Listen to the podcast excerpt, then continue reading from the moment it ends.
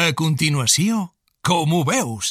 Amb Carles Cortés i Antoni Pinilla, el podcast setmanal del Nàstic. Ens esperàvem més.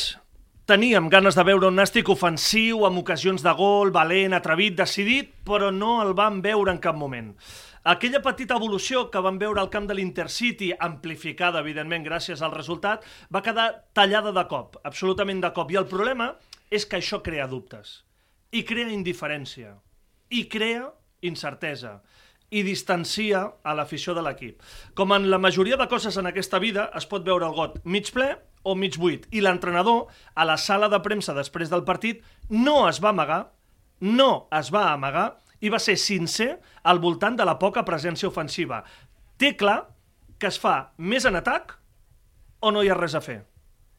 Té clar el problema i el reconeix públicament. No s'amaga.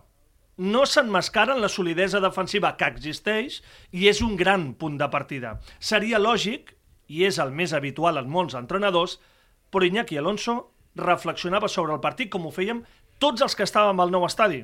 El més fàcil seria haver apel·lat senzillament al que funciona, no al que no funciona. La pregunta és fàcil. Llavors, què fem? Què fem? Què hem de fer? On està el problema?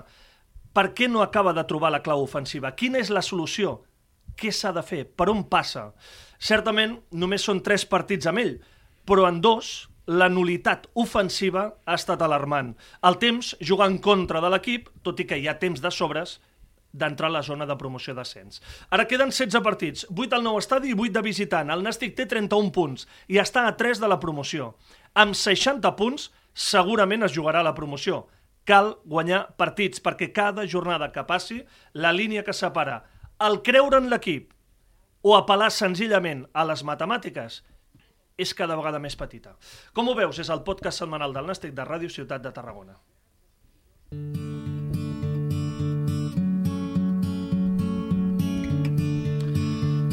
Antoni Pinella, com estàs? Hola, Carles, què tal? A veure, què fem?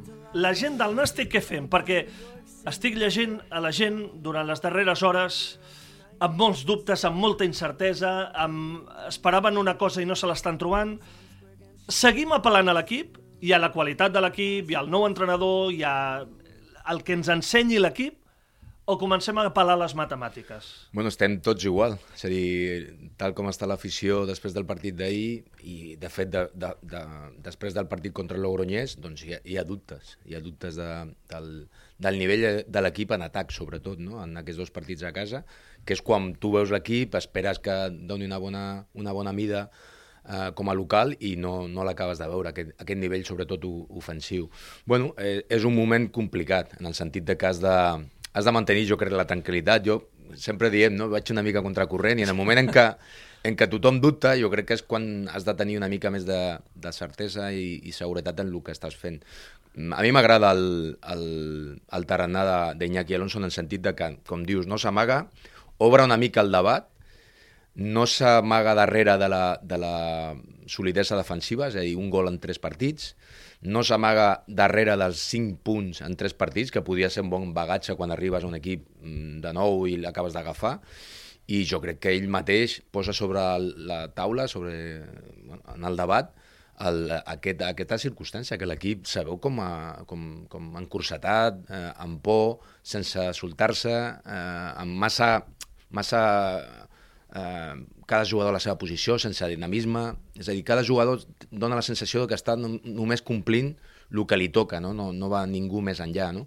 I jo crec que això eh, té un mèrit per part de l'entrenador perquè és valent i és, i és eh, realista i, i bueno, es deixa una mica a tots, a mi almenys, a la sensació de que detecta el problema, que sap el que vol, però que també hi ha un problema de, de comunicació, no? És a dir, no es veu, no es transforma el que diu ell, el seu missatge, en un equip valent i, i, que, i que trenqui una mica uh -huh. aquests jasos que el, que el tenen una mica, bueno, jo crec que com atrapat en, en un sistema i en, i en, una, en unes posicions que, no, que l'equip no, no surt d'aquí. A partir d'aquí, apelo també a una reflexió que crec que feia ahir el company del diari Més a la sala de premsa després del partit, li preguntava a l'entrenador, i t'ho transmeto a tu, perquè lliga perfectament amb això. Els jugadors l'estan entenent? Bueno, dona la sensació que no jo crec que estan, estan com, eh, com maniatats, jo crec que estan una mica col·lapsats. Pot, potser quan arriba un nou entrenador vol canviar coses, ell de fet no va canviar massa, però entra en un nou missatge. I sobretot amb una nova forma de jugar, una, una forma de jugar que implica sobretot que no tens jugadors de banda, que per aquesta, per aquesta vessant l'equip doncs, ha, ha de, ha de construir-se un altre cop, sobretot en atac, i bueno, moltes de la, molts dels problemes que, que detectem de que l'equip no arriba té molt a veure amb aquesta nova forma de jugar. Jo crec que els jugadors no acaben d'entendre, de, de, no, no tenen clar per on han d'atacar, no tenen clar on poden tenir superioritats, no tenen clar on poden tenir problemes, i jo crec que és una qüestió de, de, de l'entrenador. És a dir, aquí en, en, en comunicació sempre es diu que quan tu eh, eh, fas un missatge amb, amb un grup, com en aquest cas un, un equip de futbol, si no, fan, si no t'entenen, el problema no és d'ells, no és, és, de, és el teu que has de fer t'entendre, no? I el seu missatge és clar, perquè ha estat clar, clar cap, cap de, a fora, segur. Sí, el, el, el dia del Logroñés i, ho, i ho, va, ho, ho va estar molt clar, ho, ho va dir ahir, no? És a dir, que l'equip no té no aquesta, aquesta ambició ofensiva, no, no té aquesta a, a, aquesta sensació de, bueno, de, de, de valentia per, per agafar la pilota, fer coses diferents, i, i això jo crec que és un problema d'ell. És a dir, si té aquest missatge també dintre, que jo entenc que sí, si no seria eh, molt, molt, molt incoherent, si té el mateix missatge, que jo entenc que sí, les, els jugadors no l'estan entenent, això segur. I des del desconeixement absolut, i ara no sé si serà oportunista o no, però això és una remora del passat? No, no crec. No. És a dir, jo crec que no, no s'hi val eh, jugar, eh? posar responsabilitats en el, en el passat. L'equip és el eh? que és, tens una bona plantilla, ell mateix ho reconeix, i jo crec que la, la plantilla és una bona plantilla per estar a la part alta de la classificació, com a mínim, entre 6, 7, 8 primers, com a mínim. Eh, eh, llavors jo crec que ell sap que té una bona plantilla, que té possibilitats de fer-ho millor, i, i jo crec que no, no val pensar en que l'equip encara està eh, en l'etapa anterior o, o, o amb dèficits que tenen a veure amb, amb, amb plantejament que, que es feia de, dels partits amb, amb Raúl Agné. Jo crec que ara mateix no, no crec que sigui adient, no? Val, llavors la pregunta clau. Per què? Per què no ataca l'equip? Per què no crea ocasions? Per què, per què durant el camp de l'Intercity hi ha 20 minuts on tires quatre vegades a porteria, tres entre els tres pals i fas dos gols? En canvi, els dos partits a casa, 90 minuts, 180 en total. No el veiem? Doncs és un misteri, perquè sí, perquè el mateix entrenador va dir que tenia preparat ahir sortir, igual que va sortir a, a Alacant contra l'Intercity, i l'equip no, bueno, va sortir, la primera jugada van fer una bona jugada, em recordo Melon Rey, però a partir d'aquí el partit se va aturar molt i l'equip no va agafar aquest ritme. Però després, el que està claríssim, que independentment de la falta de ritme que va tindre l'equip ahir, i de que potser també el plantejament, el pla de partit era sortir com a Alacant i de vegades no surt el mateix, l'equip no té recursos ofensius, l'equip no, no genera superioritat per dintre, l'equip sobretot no, no, no troba, no troba la, la progressió per fora. A, a banda dreta, eh, sempre ho hem dit, el Marc Fernández no és un jugador de banda, sempre desocupa la banda per ser un davanter, no tens un lateral que pugi la banda. Mm, el Pol Domingo no és aquest lateral. A la banda esquerra, eh, ahir va sortir malament en, en Nil perquè el va canviar a la mitja part i, eh, clar, clar, estàs jugant només amb un jugador de banda. Els equips contraris, ho va explicar el mateix Àlex Carbonell, entrenador de l'Atleti Bilbao, saben que allà poden tenir superioritats per fora. Bueno, l'equip mm, no acaba d'atacar per fora mm. i no, no genera futbol per dintre. En teoria és el teu, és el teu objectiu en, juntar, en ajuntar dos pivots uh, un, un jugador com Pedro del Campo ficant-se cap a dins i Aaron Rey en el centre de les, de les jugades ofensives i no, no acaben de trobar-se, no hi ha no hi ha aquesta generació de futbol, no, no s'ajunten aquests jugadors i tampoc tens obert les bandes perquè al final generes futbol per dintre per arribar per fora. No, aquí en aquestes categories no hi ha Barces que generin futbol per dintre per acabar per dintre. Generes per fora per, per atraure l'atenció de, les, de les defenses i obrir la, les jugades per fora. Bueno, eh, no sé, jo crec que és, és tot això. És un, és, és, quan, diu, quan diem que no l'acaben d'entendre, jo crec que no l'acaben d'entendre ningú. Què vol fer en atac aquest equip? Ell diu que vol que l'equip sigui més valent, va dir l'altre dia que li faltaven centrades, però si no tens joc, joc per fora, qui te farà les centrades? Clar, aquest, hem vist com Robert Simón, eh, Pochettino, tots els jugadors de banda han perdut tot el protagonisme en aquest equip, no? Potser sí. abans tampoc jugaven sempre, però sempre hi havia aquesta opció de tenir dos jugadors per banda, extrems eh, naturals i, i jugar, jugar per fora. No dic que hagi de ser així, se pot atacar de moltes formes. El que dic és que no ho sabem nosaltres, no ho saben els jugadors perquè no ho interpreten bé i ell és la seva feina explicar bé als seus jugadors, no a nosaltres, que nosaltres el que hem de fer és de veure-ho i analitzar-ho, com s'ha d'atacar. Jo crec que no ho, té, no ho tenen clar els jugadors. No, L'equip no sap eh, on, trobar, on trobar la forma d'atacar. Mm, Se'ls veu sense, sense eines. Mhm. Val. Profe Pinilla, tenim detectat el problema, quina és la solució? O sigui, la solució per on passa? Tu què faries? Entén-me, eh? Sé, sé que això és un tema d'entrenador, eh? Però tu què faries per dir jo faria això? Bueno, el, el que ho ha de fer sempre és l'entrenador. Sempre. Nosaltres correcte. des de fora no I és podem el fer que res. està, està a cada entrenament i sap com està Exacte. el jugador, si aquest I, està I sap quina és la seva no. idea. La seva idea al Correcte. principi va, jugar, va ser jugar amb aquell rombo Sí. en dos davanters. Va canviar a Intercity i, i fins i tot en algun moment d'algun partit en doble pivot i tres jugadors per davant i un punta només. Bueno, això donava la possibilitat de jugar amb extrems, no? perquè tenies, amb el rombo has de tenir jugadors molt, molt específics. A mi em dóna la sensació que no els tens.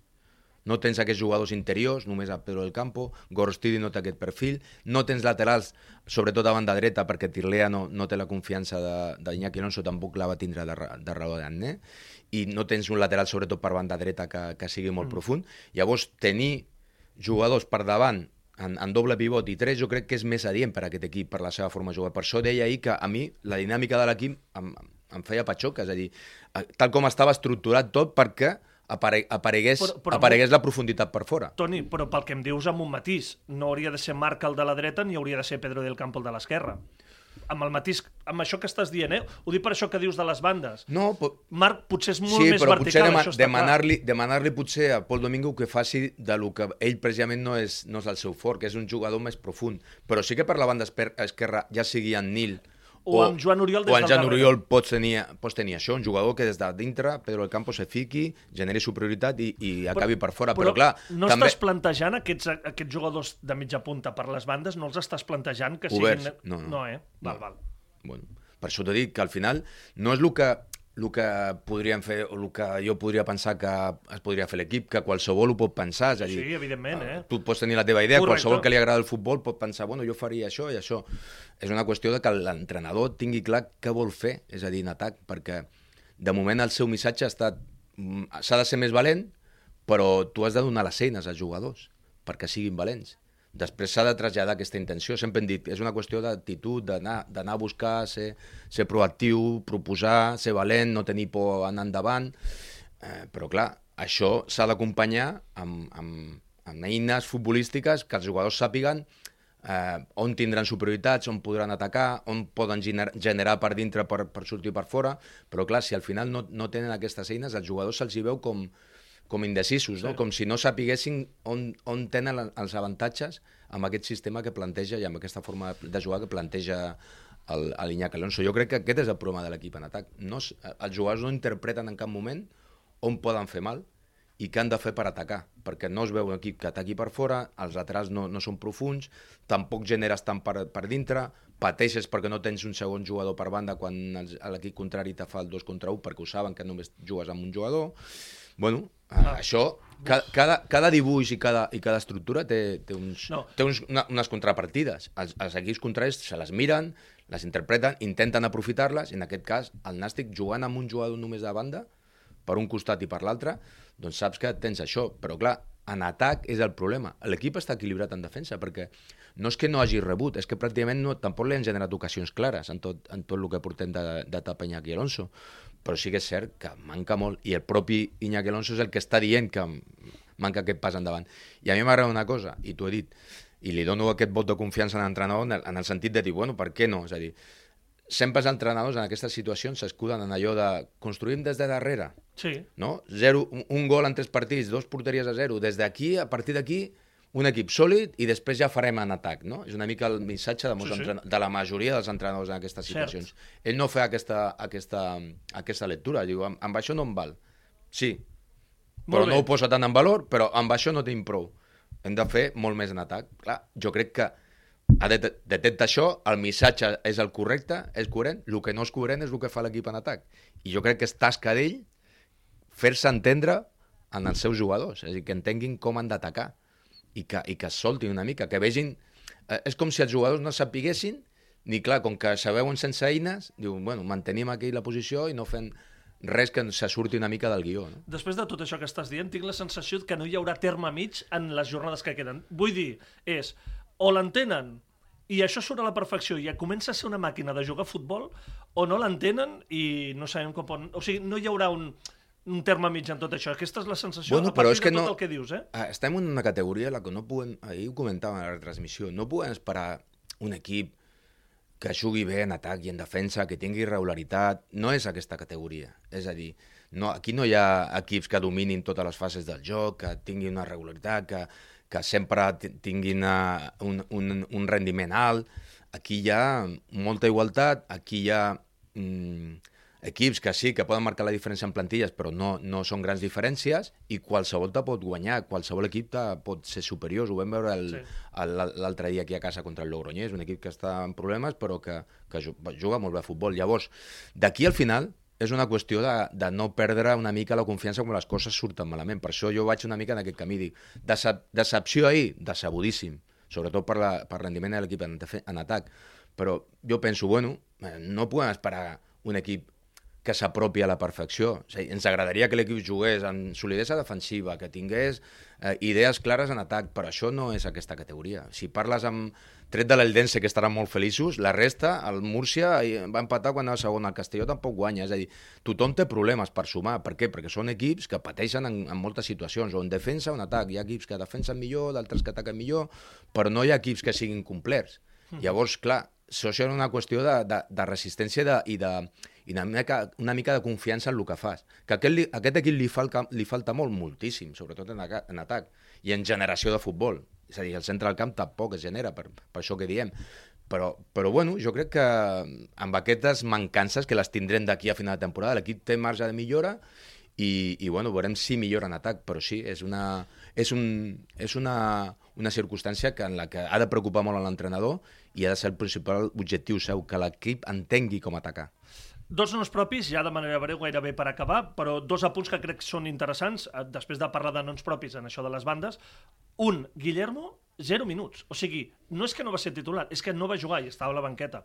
No sabem si hi havia alguna molèstia, algun problema, però la idea, sense saber res més, és no va jugar. Sí, de fet, eh, crida l'atenció, però sempre diem, nosaltres no estem a la setmana, no Clar, sé clar. si ha treballat bé, si ha tingut alguna molèstia, Correcte. si està físicament en un moment que no, que no està del tot bé, o que ha tingut qualsevol problema. Però sí, si no és així, si ell està al 100%, sí que crida molt l'atenció, perquè, perquè clar, és, ha estat la referència i veus que juga Pablo, que venia en un bon moment, Sí. abans de la- de l'expulsió, i té la seva lògica, jo ho vaig dir que em semblava normal, però clar, quan estàs 0-0, quan no, no acabes de generar en atac, tens un jugador que e- és la teva referència durant tota la temporada i al final acaba jugant l'Upo abans d'ell i ell no juga ni un minut quan necessites fer gol al final del partit, doncs sí que crida molt l'atenció. Veurem si és una constant, veurem si ha canviat una mica els rols i a la jerarquia en els davanters respecte a el que vam veure en Raúl Agné i això ho veurem de cara a la setmana vinent, sobretot el paper de, de Guillermo, perquè crida molt l'atenció que s'hagi quedat sense un minut. I nom propi dos, del davanter centre a la porteria.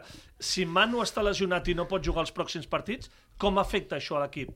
Perquè potser es va lesionar després d'aguantar tanta estona al terreny de joc i potser no pot jugar un o dos o tres, no sé, partits. O, o Aviam, sí. Jo sempre interpreto, sempre ho dic, eh? és a dir, no se pot jugar amb una lesió muscular.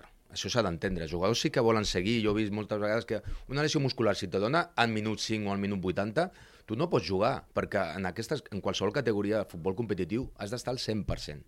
Vale? Llavors, tu pots jugar amb una torcedura, amb un cop, però amb una lesió muscular t'inhabilita. És a dir, no jugues al 100%, pots jugar al 60, al 70, si no, i amb el risc de que sempre te pots lesionar més. Llavors jo no entenc quan un jugador vol seguir, que jo entenc com a jugador, vol seguir, aviam tu si ho has aguant... fet, tu ho has fet, Clar, tu sí, aviam si aguanto, tal, però l'entrenador mateix és el que prendre decisions en aquest sentit, no? Tens un problema muscular, has d'estar fora. Va, va, jo crec que va condicionar l'equip la primera mitja hora perquè tots estaven pensant en com estava, si ho podria seguir o no podria seguir. Jo crec que amb una lesió mínima que sigui, un o dos partits estarà fora.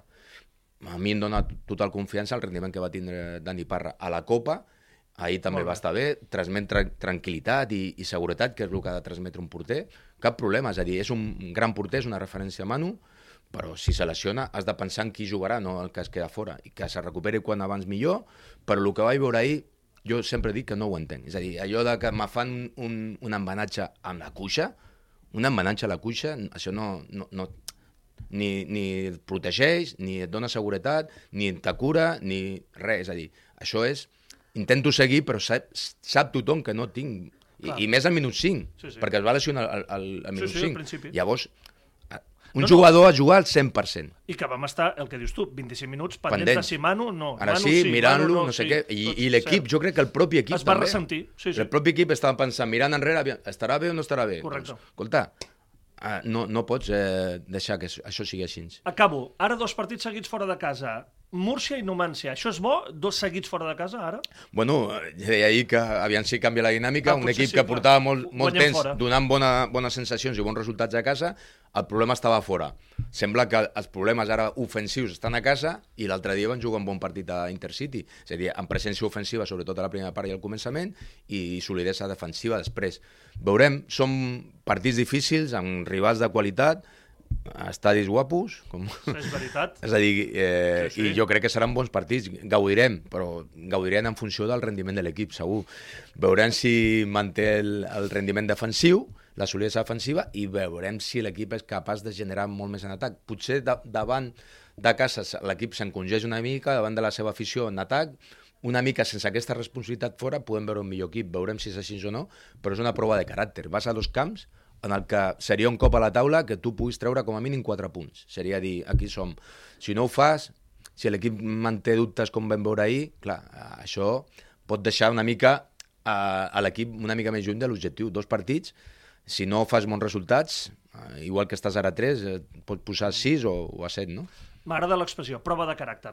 Toni, ens retrobem la setmana vinent amb el Com ho veus i a veure si la prova de caràcter 1 funciona bé o no funciona Esperem bé. que, que sí. Recordeu que tindrem divendres l'Avant Nàstic amb l'Eric Rosique, dissabte, 7 de la tarda, Múrcia Nàstic en directe a Ràdio Ciutat de Tarragona. Delilah, what's it like in New York City? I'm a thousand miles away, but girl, tonight you look so pretty, yes you do.